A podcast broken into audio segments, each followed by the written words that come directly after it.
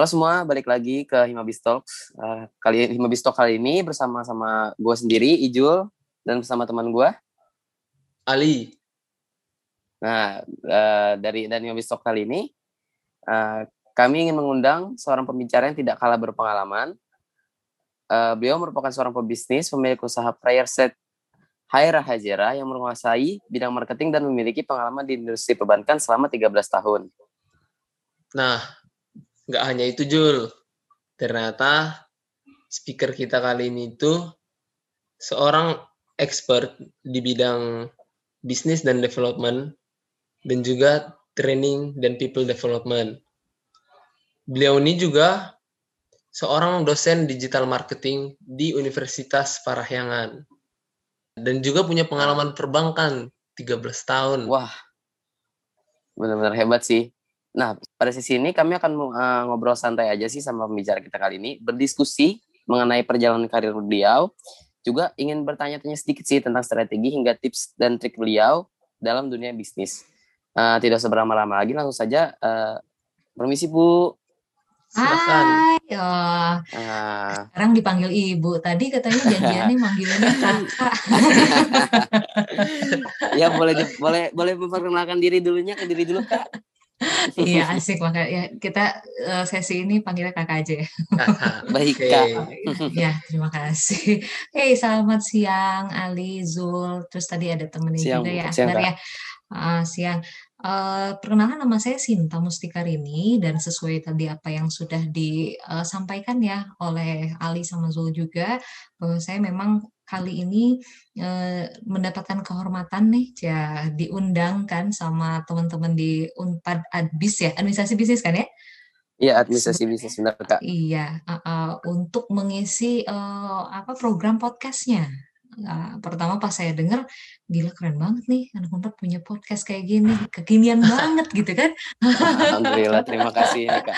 iya, bagus Kak. banget, bagus banget, keren banget ya. Nah, eh, apa? Memang saya pengalaman profesional saya itu berkarir di perbankan selama 13 tahun ya jadi mungkin Anda baru umur berapa gitu ya. Saya udah ngitungin duit orang. uh, itu terus juga saya sebagai pelaku bisnis juga dan bisnisnya tadi sudah disebutkan Haira Hajira itu merupakan uh, travel prayer map gitu ya. Jadi sejadah travel tapi di situ juga kita ada beberapa produk lah nanti kita ceritain lagi.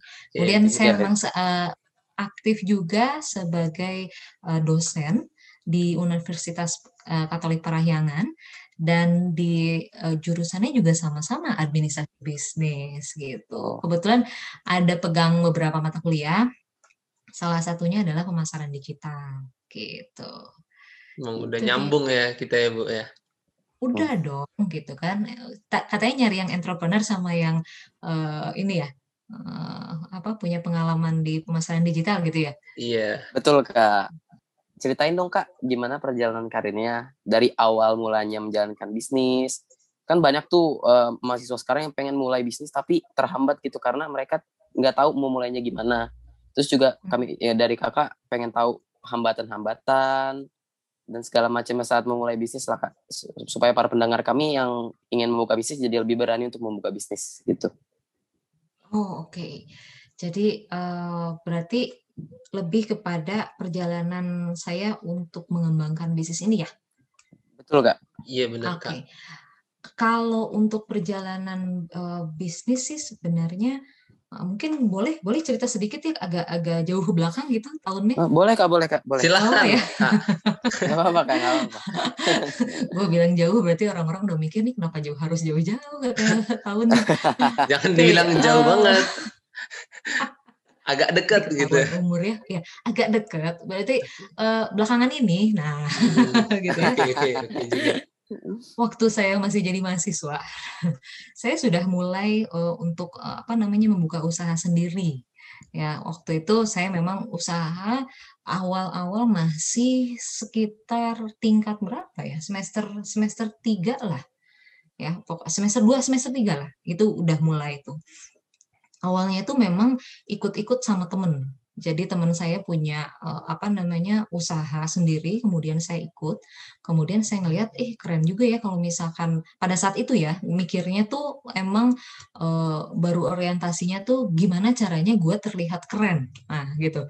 Jadi punya usaha itu waktu uh, waktu mahasiswa bukan untuk uh, mencari Eh, penghasilan tambahan waktu itu ya, tapi justru gimana caranya gue tuh kelihatan sibuk gitu ya, terus kelihatan keren gitu ya pada saat itu. gitu kan. Jadi teman-teman nah, kampus melihat kita sibuk gitu aja ya Bu ya? Iya ngeliatnya sibuk gitu, terus kayaknya kok punya punya punya usaha, oh ini pasti duitnya banyak nih gitu kan, padahal dibalik itu semua rugi gitu. Jangan dibongkar semua kak. Gak apa-apa, ini kan perjalanan supaya oh, nanti iya. uh, apa siap, ketahuan siap. gitu ya Nah, uh, karena pada saat itu mindsetnya udah se uh, hanya sebatas itu gitu ya, uh, yang akhirnya saya mengetahui bahwa itu adalah pola pikir yang salah. Nah, gitu.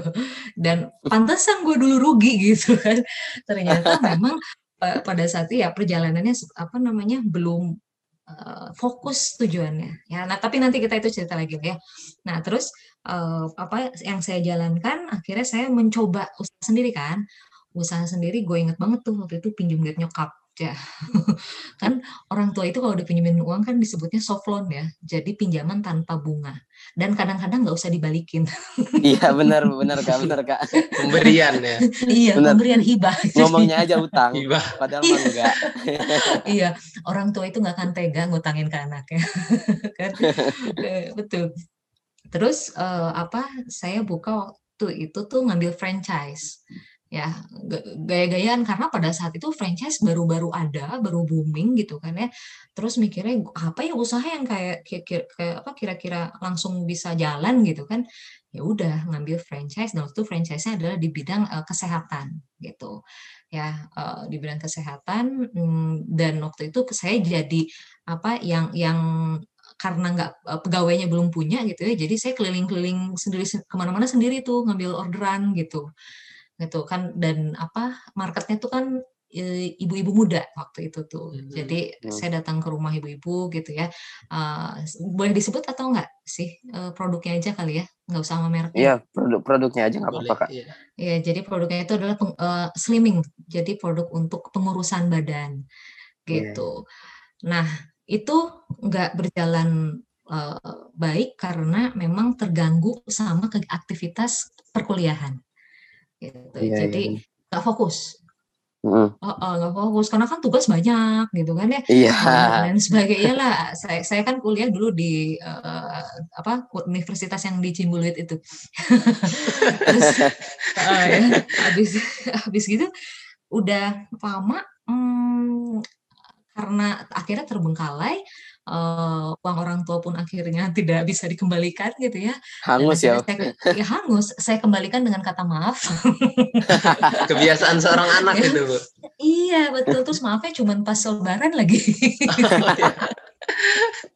ya kan ya maaf akhirnya dimaafkan alhamdulillah uh, ya udah akhirnya saya berhenti dulu dan terjun ke usaha IO event organizer gitu. Di event organizer memang bukan sebagai owner tapi uh, saya melihat uh, cara bagaimana dia mengembangkan bisnisnya ya. Dan pada saat itu kan IO tuh kayaknya nggak ada anak mahasiswa yang nggak ikutan IO gitu loh.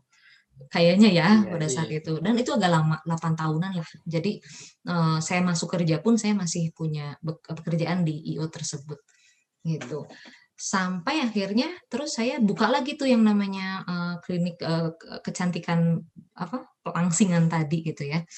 Di situ karena posisinya saya sudah lulus kuliah gitu saya melihat bahwa satu faktor tuh uh, penting banget ketika kita mau menjalankan usaha ya yaitu uh, tadi tuh kita udah tahu uh, kita mau ngapain sih gitu fokusnya di mana sih gitu Nah, setelah itu barulah mulai kebaca. Nah, uh, tapi lagi-lagi kesalahan yang sama saya ulang. Gitu kan. Saya kerja, jadi nggak fokus, nggak fokus lagi. Ya, terbagi ya, Bu, fokusnya terbagi ya, Kak? Betul. Jadi waktunya terbagi dan dan uh, kalau sudah menjadi karyawan itu kan kita mendapatkan kepastian pendapatan ya, ada gaji ya. maksudnya. kan Benar, setiap benar, bulan ada gaji jadi saya merasa gue nggak perlu ngejar nih di usaha saya gitu. Kenapa sih nggak perlu ngejar? Karena kan gue udah dapat duit juga tuh nanti eh, akhir bulan. Paham nggak? Jadi nggak Iya, iya. mm, nggak ngoyo gitu loh nggak nggak nggak nggak iya, ada iya. ambisnya sama sekali gitu kan. Jadi ya udahlah seadanya aja. Karena ya seadanya ya balik lagi terbengkalai lagi gitu. Sampai akhirnya udah 13 tahun berlalu gitu akhirnya saya buka lagi. Dan ini sudah berjalan uh, mau dua tahun ya gitu. Mau dua tahun dan uh, apa alhamdulillah sih uh, sampai saat ini omsetnya terus naik ya gitu jadi kalau lihat grafik tuh naik terus gitu sih grafiknya gitu teman-teman Jadi, Hmm. Oh jadi emang bener-bener ya bu perjalanan bisnis itu emang waktu sih bener kalau misalnya jadi mahasiswa ya. Iya. Iya benar benar. Ya maksudnya jadi kadang-kadang kita hmm, mau yang mana duluan ya gitu. Usaha dulu sayang nih duitnya udah ada gitu kan. Eh, Iya. Apa ya an- namanya anak mahasiswa ya kita juga kan ngejarnya pengen cepetan cepet-cepet dapet duit ya nggak sih? Ya Kan Benar, pengen benar. beli Bu. pengen beli Lamborghini kita kan? Iya Pengen kan? banget mahasiswa tuh Iya. megang duit sendiri. Iya, mau Lamborghini sendiri ke kampus pakai Lamborghini gitu kan? Enggak ya? itu bisa aja sih, tapi Kalau- ya Pengen, dikesampingkan pengen lah aja sih yang kak kayak kuliah udah Iya punya kan? uang sendiri tuh kayak keren banget. Iya bener-bener nah dan itu bener eh, saya pun mahasiswa kayak gitu gitu. Eh, apa pengen banget gue punya duit sendiri tuh eh, apa apa apa bisa beli sendiri gitu. Apalagi kalau yang cowok-cowok naktir eh, kayak gebetan gitu kan atau naktir eh, cewek-ceweknya pakai Iya. duit sendiri. Oh Iya, gila. benar. di mata cewek-cewek tuh udah kayak keren banget sih lo gitu kan. Nggak Wah mandi juga calon keren sukses gitu ya. nih, calon sukses nih, calon sukses. Ini iya iya calon-calon bisnis hebat nih. iya nih calon-calon sultan nih gitu kan nah ya itu perjalanan lah ya. Nanti apa menuju ke sini pun bukan eh, bukan sehari dua hari gitu. Sampai akhirnya saya eh, ketika ini eh, ketika baru mulai bisnis ini pun sebenarnya dalam perjalanan untuk berhenti dari pekerjaan saya di perbankan gitu. Jadi sebelum berhenti itu saya udah mempersiapkan terlebih dahulu usaha ini sebenarnya. Gitu. Jadi eh, cuman tetap dijalankannya itu eh, apa launching si produknya itu justru setelah saya benar-benar resign gitu. Sehingga saya istilahnya apa ya? mm, tidak juga meninggalkan tanggung jawab di kantor saya yang dulu gitu kan. Iya. Jadi saya tidak mengkhianati kantor saya yang dulu gitu. Jadi benar-benar pure eh, apa eh, dedikasi saya itu sudah selesai gitu ya di perusahaan tersebut baru memulai lagi yang baru eh, di usaha sendiri ini di uh, Haira Hajira gitu panjang ya Iya, iya, iya. Apa sih, Bu? Gak apa-apa kak. Nah, oh iya Kak ya. Aduh. Nah, Kak, ini berkaitan sih sama yang tadi Kakak sempat sampaikan itu tentang waktu awal-awal merintis dan kaitannya ini sama brandingnya sebenarnya. Gimana sih waktu itu Kakak eh, membranding bisnisnya? Mungkin kan yang fokus benar-benar kan yang waktu di ini ya yang Hai- Haija Hajira ya. Nah, di uh, Haira Hajira ya agak susah ya Haira Hajira Haira Hajira, gimana sih waktu itu kakak Ya. nge-branding bisnisnya dan narik engagementnya di awal-awal? Karena ini sebenarnya jadi umum, masalah umum di bisnis-bisnis muda yang kesannya kan cuma bikin Instagram dia kesannya udah, wah gue udah branding nih, udah keren banget nih gue udah pakai Instagram segala macam. Nah, cuma mungkin ada hal-hal yang dia nggak ketahui gimana sih kak? Oke, eh, berarti pertanyaannya itu adalah gimana cara kita nge-branding, eh, mungkin lebih ke mengkomunikasikan brandnya atau gimana saya membangun brand tersebut? Biar biar beda Gimana nih. gimana caranya kita memasarin produknya biar Mm-mm. konsumen pada datang ke ke apa usaha kita kak. Gitu. Tekniknya Oke. gitu loh buat nge. Sama tadi ya ningkatin engagement itu ya. Iya benar. Mm-mm, betul kak.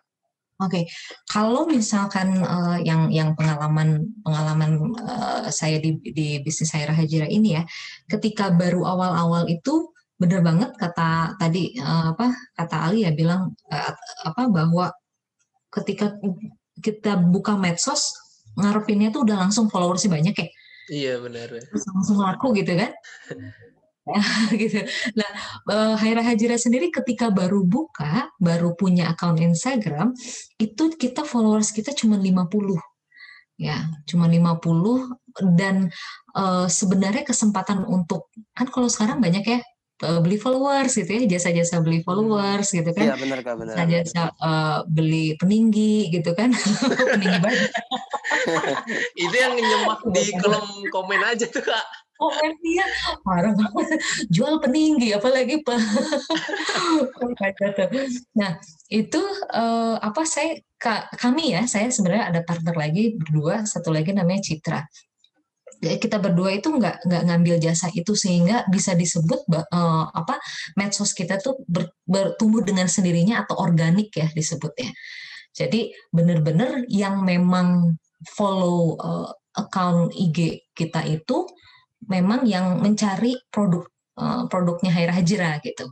Ya, nah awalnya kita bagaimana kok bisa sekarang ya emang nggak sampai oh, belasan ribu sih ya belum belasan ribu masih cuma sekitar tiga ribuan gitu tapi kami cukup bangga gitu kan mengembangkan si uh, bisnis ini karena memang dari awalnya itu menggunakan influencer gitu jadi uh, yang kita sudah pernah coba ketika kita apa naruh ad, uh, advertising nih di Instagram gitu ya dibandingkan dengan influencer ini berdasarkan pengalaman kami itu memang lebih uh, apa signifikan uh, impactnya itu adalah ketika kita menggunakan influencer dan hmm. influencer itu gila banget sih emang benar-benar maksudnya impactnya tuh bisa uh, langsung naikin followers tuh sampai 500 sampai 1000 dalam hitungan hari gitu. Uh, asalkan kita tahu siapa sih influencer yang mau kita pilih gitu ya kan? Jadi jangan sampai kita pun uh, salah target market nih. Misalkan nih saya sejadah travel kan target market kita itu sebenarnya dari umur 25 sampai 40 tahun. Maka saya harus mencari juga nih influencer yang uh, tar, apa followersnya di target market itu gitu. Soalnya kan yeah, yeah, yeah. Uh, yang uh, kita budget juga pas-pasan nih waktu awal gitu. Nah tapi memang sebelum itu ya kita pakai yang namanya uh, tekniknya itu adalah gerilya. Kenapa disebut gerilya? Karena emang uh, harus yang namanya promosi itu kan buang uang ya, bakar duit gitu kan, bakar bukan uang, uang ya. bakar uang gitu. Nah waktu itu kita bikin tuh produknya, dibikin banyak, gitu, terus kita kasihin ke teman-teman gua dan pada saat itu kita maksa mereka ya. Lu pokoknya harus posting di IG story lu di feed lu pokoknya harus posting. Gitu. Kita yeah, melakukan yeah. itu ya. Asli maksa. Jadi eh, ke saudara ke kakak gitu ya. Beli dong beli dong gitu ya. Jadi kalau kata orang Sunda namanya jual dedet. Ya jual dedet tuh maksa ya. Sampai akhirnya mereka uh, beli pakai dan pastinya kita terus-terusan promo di Instagram pribadi di medsos pribadi kita oh, apa promo terus di status WhatsApp gitu. Nah dari situlah akhirnya uh, kayak bola salju ya. Uh, kalau kita sebut kalau di teori pemasarannya word of mouth ya. Jadi word yeah. of mouth itu ketika seseorang udah merasa puas sama produk yang dipakai, terus dia ngasih tahu lagi, ngasih tahu lagi gitu ya, sampai akhirnya punya uh, biaya untuk membayar influencer yang memang komersil gitu waktu itu. Dan langsung uh, booming sih gitu. Jadi ya uh, mungkin kalau misalkan sampai dapat disimpulkan gimana waktu itu awalnya uh, karena kita budgetnya masih nggak ada gitu ya kita minta teman-teman yang menjadi corongnya gitu. Mereka jadi sales gitu kan jadi marketingnya kita gitu. Kemudian setelah itu uh, ditabung uangnya uangnya udah ada cukup, kita pilih influencer. Ketika pilih influencernya, milih yang sesuai dengan target market dari uh, produk yang kita jual gitu. Dan sesuai juga sama mungkin uh, apa value ataupun uh, apa tambahan nilai yang uh, produk kita punya gitu. Itu mungkin soal itu ya. Tadi apalagi pertanyaannya? Lupa aku. Itu udah sebenarnya udah menjawab sih. Intinya berarti kita mm. Milih influencer itu berpengaruh banget ya kak ya ya Untuk, banget dan uh, ketika kita milih influencer itu li, jangan terbuai sama centang biru aja Nah, Iya, itu iya. juga harus Iya, ini iya. ya, ah, centang banyak biru aja. banyak banget anak muda yang mikir kayak influ- mau masarin produk yang penting influen yang penting centang biru aja centang biru Iya, Iya. terkenal Benar, padahal centang biru itu tidak menjamin eh, apa ak- berdampak signifikan terhadap produk dan jasa kita yang kita jual loh gitu. Kita juga harus pinter-pinter tadi. Kita harus pinter menentukan target marketnya siapa sih gitu. Kemudian influencer yang cocok dengan target market kita siapa. Dan kita juga harus melihat kehidupan kesehariannya si influencer kita cocok nggak nih merepresentasikan Oh, produknya kita. Iya Oh, gitu kan. Kayak misalkan saya eh, travel prayer mat gitu ya. Nah, mungkin eh, kita juga memilih siapa sih influencer yang cocok untuk membawain ini gitu. Eh, kesehariannya seperti apa gitu kan. Eh, apa misalkan ya apa contohlah makanan kali ya. Misalkan kita jualan makanan sehat gitu. Nah, kemudian kita milih influencer yang ternyata dia sendiri pun eh, kesehariannya memang tidak makan sehat misalkan contohnya gitu ya. Makannya seblak gitu kan. Terus maksudnya tidak menjaga tubuh lah ya gitu Iya, tidak iya. fit Iya. Itu cocok gitu. Jadi eh, kita pun membangun kepercayaan dari audiens kita atau target market kita juga nantinya ke mana-mana tuh kelabakan gitu. Malah buang uang gitu. Iya aja Mm-mm. jadi emang sampai sedetail-detail kecil ya kak ya nah Iya. selanjutnya nih kak.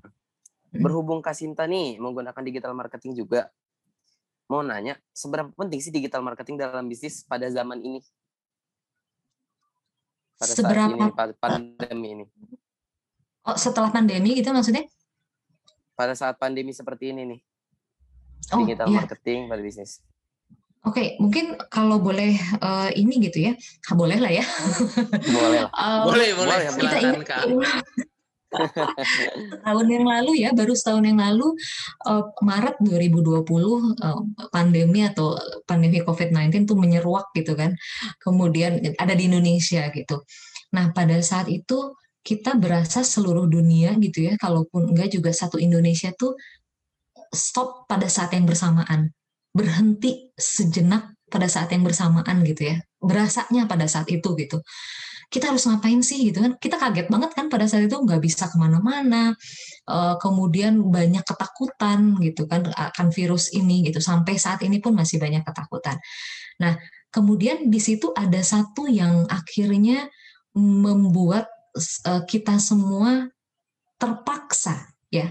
Kita tuh kan dipaksa akhirnya untuk menyesuaikan terhadap kemajuan teknologi. Benar nggak sih kita Benar, benar. dipaksa Iya, untuk benar, go benar. digital, benar kan? Kak, Benar, kayak benar. sekarang contohnya kak, eh, apa? Kalau teman-teman kan memang digital native ya, kita kita nih di- disebutnya digital native gitu ya. Eh, kalau sekarang kalau teman-teman lihat deh, eh, kakek-kakek umur 72 tahun aja yang biasanya cari makan ke warung sekarang pakai GoFood karena lansia sangat rentan terkena COVID-19. Jadi dipaksa untuk belajar menggunakan eh, apa ponsel pintarnya dan menggunakan aplikasi pesan antar. Ya, kemudian anak TK dipaksa untuk akhirnya eh, berada di depan gadget berlama-lama gitu ya, yang tadinya dilarang sama orang tuanya. Karena apa? Karena dia harus belajar. Nah, eh, apalagi ya teman-teman mahasiswa ya apa dengan terpaksa juga akhirnya belajar online. Jadi sebenarnya yang tadinya sebelum pandemi itu kan digaung-gaungkan kita itu memasuki industri 4.0 katanya, gitu kan ya. Nah, kalau Iya. begitu COVID bukan memasuki lagi, tapi kita tuh kayak dipaksa emang udah ada di 4.0 karena kalau enggak lu nggak survive gitu Iya. gitu, ya kan? Nah, eh keti- masih cerita seputar dampak dari COVID itu sendiri, maka dengan adanya digital, dengan adanya pem- apa aktivitas pemasaran digital, sekarang bahkan dari warung-warung kaki lima aja berbondong-bondong untuk mendaftarkan gitu kan, mendaftarkan tempat kaki limanya itu di aplikasi eh, online, benar Iya, nggak? benar-benar. Iya Ya kan? benar bu. Biar Iya, itu jadi- terjangkau juga ya. Iya benar. Jadi sekarang warteg aja udah kita bisa lihat di GoFood gitu atau Iya. Grab gitu, GrabFood gitu udah ada semuanya.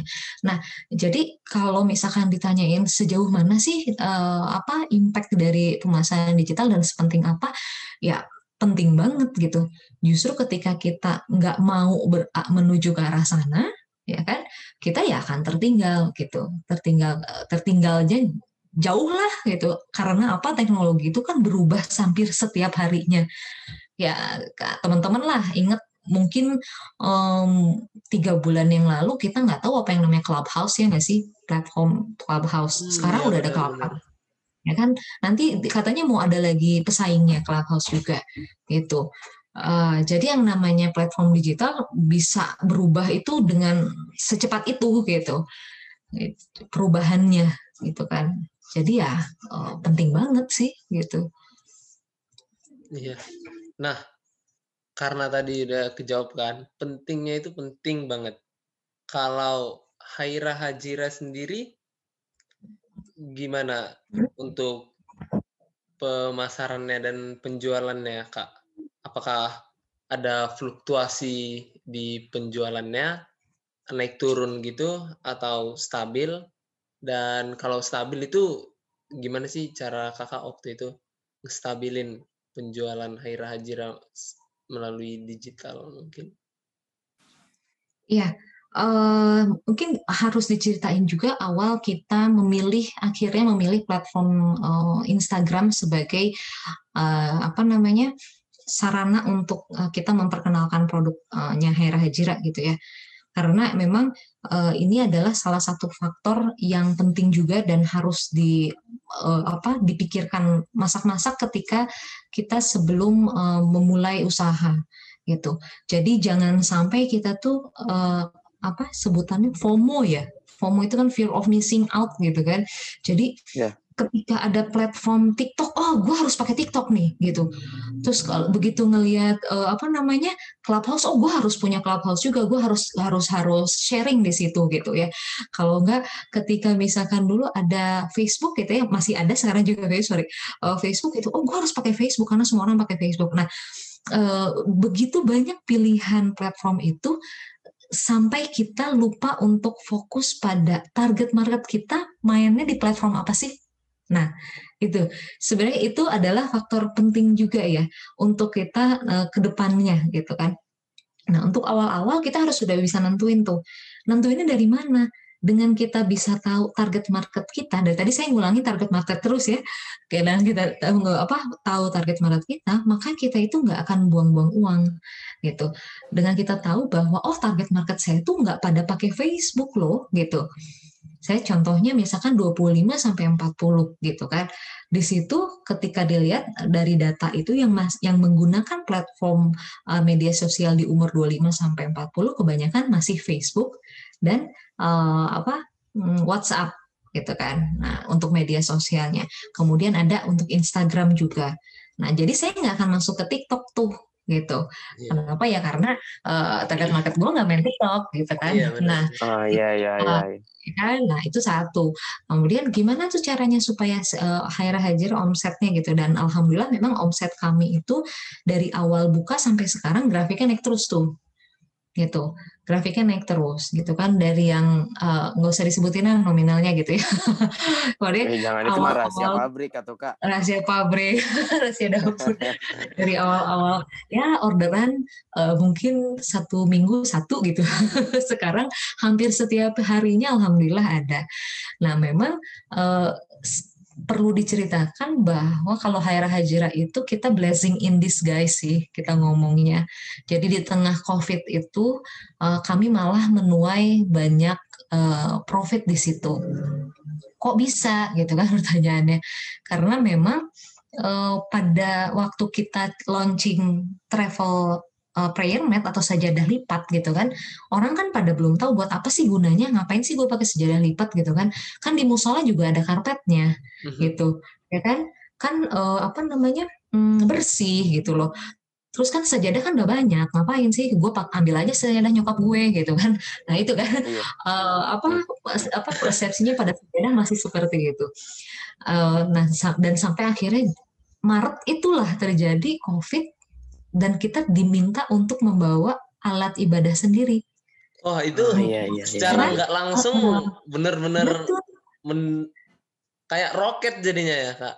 Iya, iya banget dan itu memasuki bulan puasa saya ingat banget. Bulan Iya, puasa, lebaran banget. pas banget orang-orang kan pada biasanya cari hampers buat lebaran tuh buat ngasih kan. Wah, Iya, iya. itu alhamdulillah itu kayak kita tuh hmm, apa sih? Ya luar biasa ya pada saat itu gitu. Udah mana baru gitu kan. Habis gitu sesuai dengan apa yang dibutuhkan. Nah, itu dia pas Iya, banget iya. lah gitu. Uh, akhirnya ya udah terus dapat hampers segala macam omset kita tuh langsung pokoknya langsung balik modal deh dalam waktu hitungan satu bulan ya gitu Waduh, keren Langsung balik banget. modal tuh habis gitu ya sudah mem- tinggal apa yang sulit justru adalah sekarang memaintainnya gitu Ah, iya itu dia. Benar, gitu benar. memaintain supaya omset tersebut setidaknya stabil lah gitu kan jangan turun benar, dong Iya, iya. Iya, iya benar. benar. turun dong Sebenarnya nah malah yang paling susah itu maintenance-nya itu sih, Bu. Ya kan? banget ya. Memaintainnya itu apa eh, sulit dan akhirnya kalau kita menggunakan eh, strateginya itu lebih fokus di eh, produk gitu. Di produk dan mengkomunikasikan eh, value-nya si produk kami gitu. Value-nya si produk Haira Hajira jadi kan kalau eh, strategi itu banyak lah ya. Kita mau mau main di mana sih? Mau main di harga kah? Mau main di eh, lokasi kah? Gitu kan. Apa mau main di produknya. Nah, kalau kita memang ngambil strateginya mainnya di produknya, produknya gimana caranya kita tuh beda sama yang lain gitu. Gitu. Jadi itu jadi eh, apa kita sudah jadwalkan setiap satu tahun itu keluar desain baru, keluar desain baru gitu loh. Supaya orang nggak bosen gitu kan karena sajadah itu adalah sebuah produk yang satu kali beli udah gitu udah benar nggak Iya, benar, benar. Karena sajadah ya Iya, gitu. Nah, eh, karena sejadah. Apa yang kami lakukan, apa yang akhirnya Haira Hajira lakukan, kami akhirnya em, me- apa namanya eh, mengarahkan para audiensnya Haira Hajira, marketnya Haira Hajira, untuk meng- di, sama kita dikomunikasikan bahwa sajadah itu nggak harus dipakai buat sendiri loh, bisa juga sama Anda dikasih-kasih ke orang gitu. Nah, jadi kita bikin apa eh, bentukannya kayak kado. Oh, gitu Oh ya. iya, iya, iya. Ya, kayak kado. Jadi kita waktu itu iklannya salah satu iklannya adalah eh, pandemi Covid ini kan bikin kita nggak bisa ketemu orang nih. Tapi kan Iya. silaturahmi harus tetap dijaga dong. Benar, Nah, benar. iya benar benar. Cara benar, benar. menjaga silaturahminya adalah dengan cara mengirim eh, apa namanya barang yang simple tapi bermakna gitu. Nah, ini salah satunya adalah sejadah gitu. Kan kalau sejadah eh, dipakai orang sholat, maka orang yang ngasihnya juga katanya dapat pahala Dapat juga tuh. pahala, iya, Iya, benar. iya, dapat pahala Nah, juga. sama kita tuh Sedekah jariah. terus.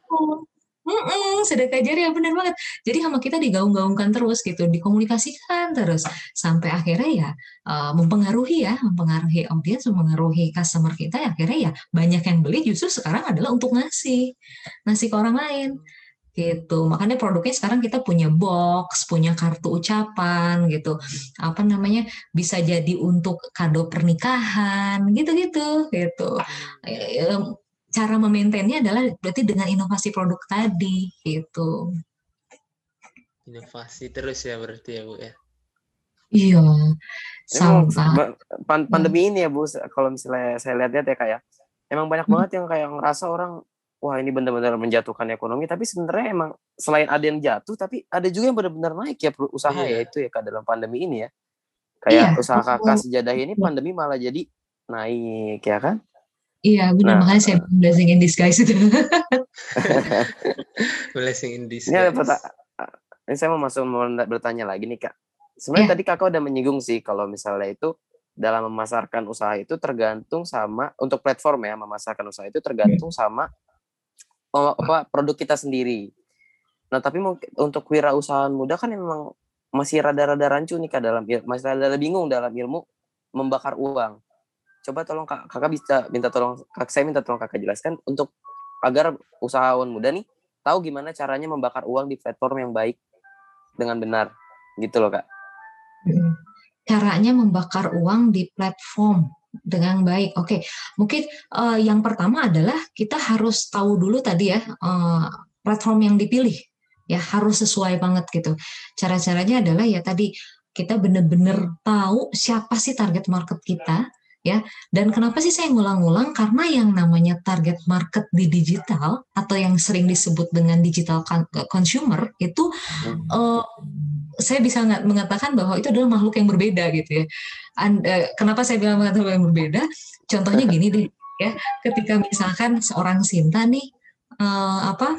Hmm, komen ya ngasih komen di postingannya seseorang gitu ya mungkin bisa menjadi orang yang berbeda dibandingkan dengan ketika bertemu tatap muka langsung Oh iya benar-benar benar netizen ya netizen. Ya kan?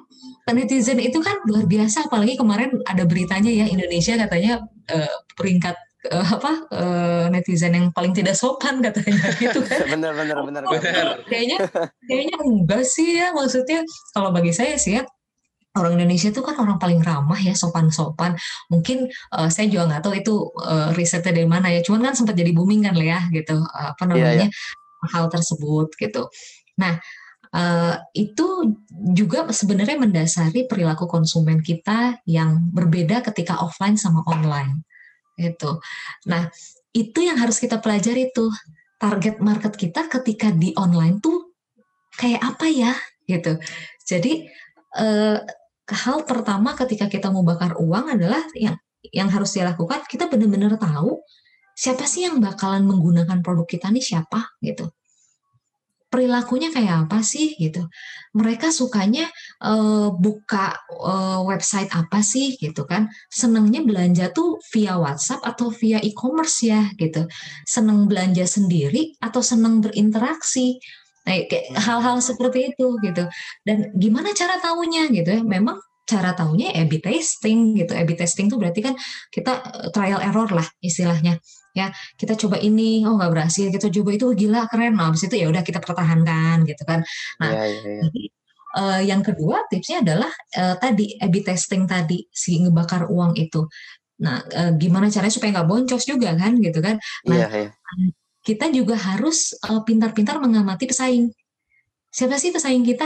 Gitu kan kayak, kayak seperti Haira Hajara ini kan juga pasti punya pesaing dong gitu kan atau pasti, uh, pasti. yang memang uh, sudah pioneer lebih dulu dari kami gitu. Benar, benar. Nah kita lihat apa sih kegiatan yang mereka uh, lakukan gitu kan ngiklan di mana aja, terus uh, apa namanya followersnya dari mana aja, ngambil influencer siapa aja. Nah itu tuh kita uh, amati gitu ya. Uh, kemudian juga kita sesuaikan dengan uh, produk yang kita miliki gitu. Jadi kalau misalkan ngelihat uh, contohnya misalkan, hmm, oh ya pesaing kita nih sering banget ngiklan di uh, sebuah website lah ya, sebuah website perempuan gitu, yang banyak komunitasnya perempuan di situ gitu ya. Berarti ketika dia sering banget, dugaan pertama itu kan dia laku dong makanya yeah. dia selalu beriklan di situ gitu ya. Iya, yeah, yeah. berarti, ya, gitu kan. nah, platformnya tepat.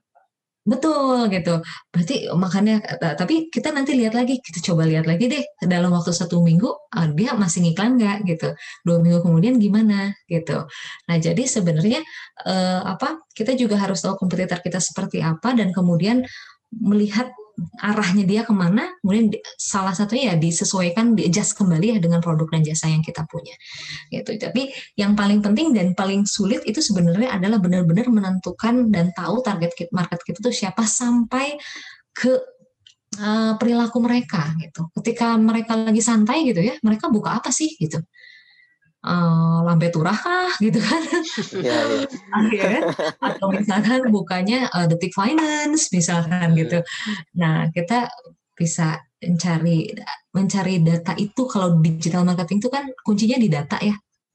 Gitu kita harus punya data sebanyak-banyaknya supaya kita bisa mengambil keputusan yang tepat berdasarkan data itu gitu. Oke. Okay. Ya, itu sih cara bakar. Ya itu uh, terkesan klise dan terlalu teoritis tapi itulah yang saya lakukan gitu.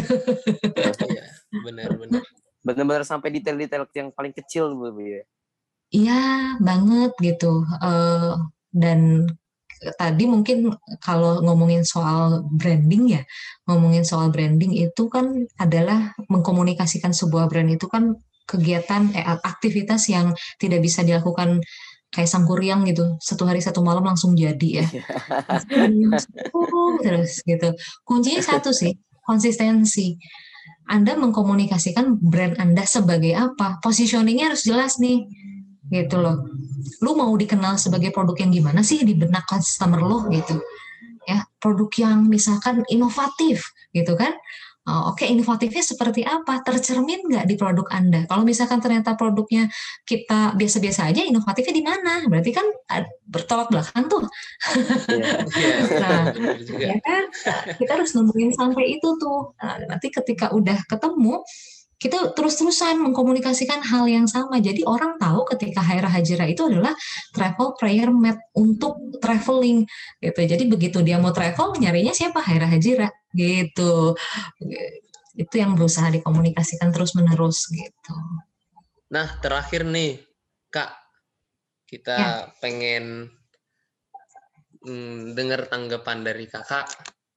Ada nggak tips and trick buat ini nih para pendengar lah. Karena kan pendengar kita kan umum ya mau ma, yang muda atau yang mungkin uh, seumuran sama kakak. Gimana sih entriknya supaya mereka lebih semangat dan maksimalkan bisnisnya melalui digital marketing? Supaya mereka semangat. Jadi ini untuk para pengusaha ya Iya, uh, calon-calon pengusaha gitu calon, ya. Calon-calon pengusaha kak, benar-benar. Oke, okay, kalau calon-calon pengusaha sebenarnya gini, kita nggak usah ngelihat platformnya apa dulu nih ya. Ya, kalau yang namanya calon pengusaha atau yang udah memang ingin gitu ya. Tapi lebih kepada kita bangun dulu mindset kita gitu. Kenapa sih harus bangun mindset? Karena memang um, terdengar maksudnya terdengar mindset apaan sih gitu kan. Gitu kan. Uh, ya terdengar terlalu abstrak gitu ya. Tapi mungkin yang bisa saya sampaikan adalah kita benar-benar harus tahu tujuan kita ketika usaha tuh apa sih gitu. Tadi makanya saya cerita di awal ketika saya mahasiswa itu saya mau usaha karena saya gue cuman pengen kelihatan keren doang. Gitu. Hmm. ya kan? Ya gitu kan yeah, gitu. Nah yeah, itu yeah. nah uh, kita harus balik lagi nih benar-benar bertanya pada diri sendiri kalau gue mau usaha emangnya buat apa? Tujuan akhirnya apa saya usaha? Gitu. Kalau misalkan mau cari duit ah itu udah oke okay tuh mau cari duit. Berarti kan ada setidaknya ada motivasi yang besar kan? Gue buat cari duit buat buat membiayai kuliah buat bantu iya, ekonomi keluarga ya. Itu kan banyak kan yang seperti itu. Itu motivasinya udah bagus banget kalau untuk menjadi pengusaha tuh. Jadi motivasinya itu biasanya diawali dari sebuah ketakutan kekurangan ya takut akan kurang sesuatu gitu ya sehingga ingin mencari lebih gitu kan. Nah dari situ aja sebenarnya udah benar. Nah tapi eh, yang ketika sudah tahu motivasinya apa gitu ya kita benar-benar harus fokus gitu. Ketika mau usaha tuh benar-benar eh, emang menyisih harus mau menyisihkan waktu untuk mengembangkan usaha itu, bukan sisa. Bukan ya, menyisakan ya, waktu ya, tapi menyisihkan. Kalau menyisihkan waktu kan berarti kan di depan tuh kita udah tahu nih. Gitu. Gue ada 24 jam nih. Gue udah tahu uh, eh, gue akan bagi yang pasti prioritas pertama kuliah dong benar nggak sih? Benar benar benar benar. Kan? akademik dulu. Tapi kan kuliah, akademik sekarang. dulu, ya kan nomor satu. Tapi kan kuliah kan nggak nggak sampai malam, misalkan karena teman-teman misalkan masih S1 gitu ya, nggak ada kuliah malam. Nah dan nggak misalkan nggak setiap hari.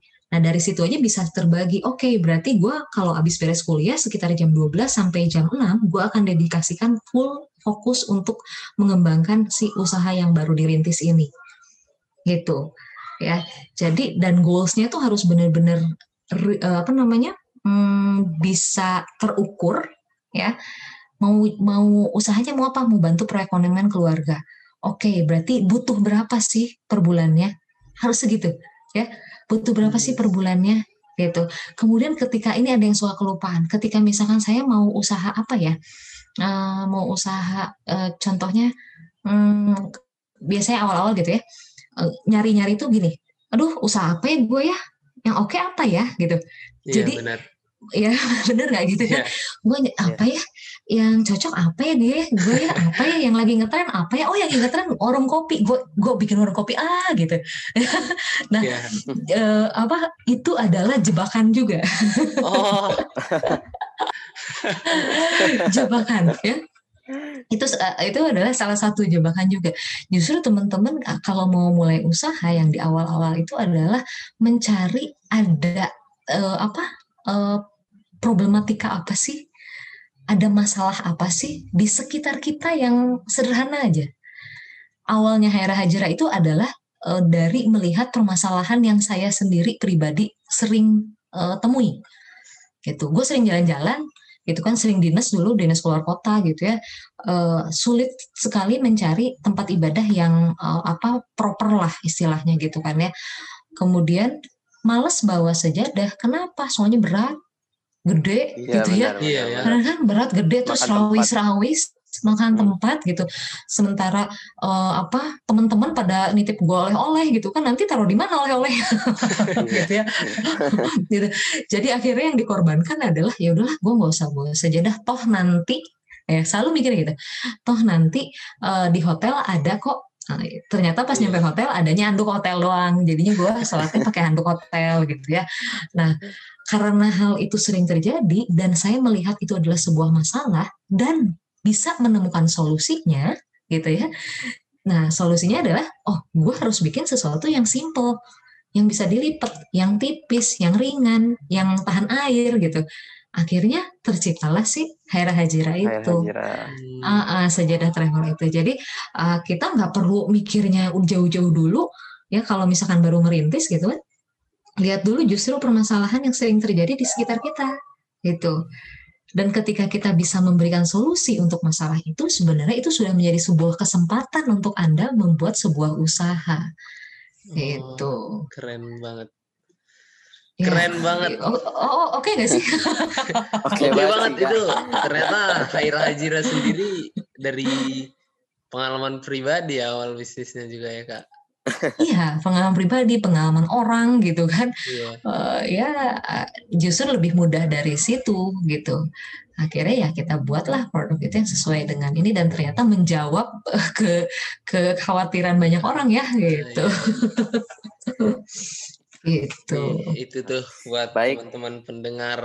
Jadi tipsnya ya harus dipilih dulu problematikanya, jangan ngasal-ngasal juga dan harus di prioritasin juga walaupun harus ada time manajemennya juga lah ya berarti. Iya, nah, ya. iya banget. Nah, ya, ini dari kami makasih banget nih buat Kasinta yang udah mau hadir di Himabis Talks kali ini. Eh, eh sama-sama. Uh, semoga ilmu yang diberikan oleh Kasinta ini bermanfaat bagi mendengar kami. Uh, yeah. Jadi nggak nggak ada lagi tuh yang pada bingung tentang digital marketing. Oh ya sama buat pendengar nih, buat para pendengar, jangan lupa dicek Haira Hajira. Siapa oh, tahu iya, kan benar, benar. yang suka traveling. Iya, betul. Bisa banget dicek uh, buat sejadahnya. Iya, ada juga kok yang buat mahasiswa-mahasiswa gitu kan. Oh iya, siap. Tuh mendengar boleh banget dicek ya. Buat Asinta udah gak sabar mau promosi kali ya. Ditahan-tahan. udah gatel gue.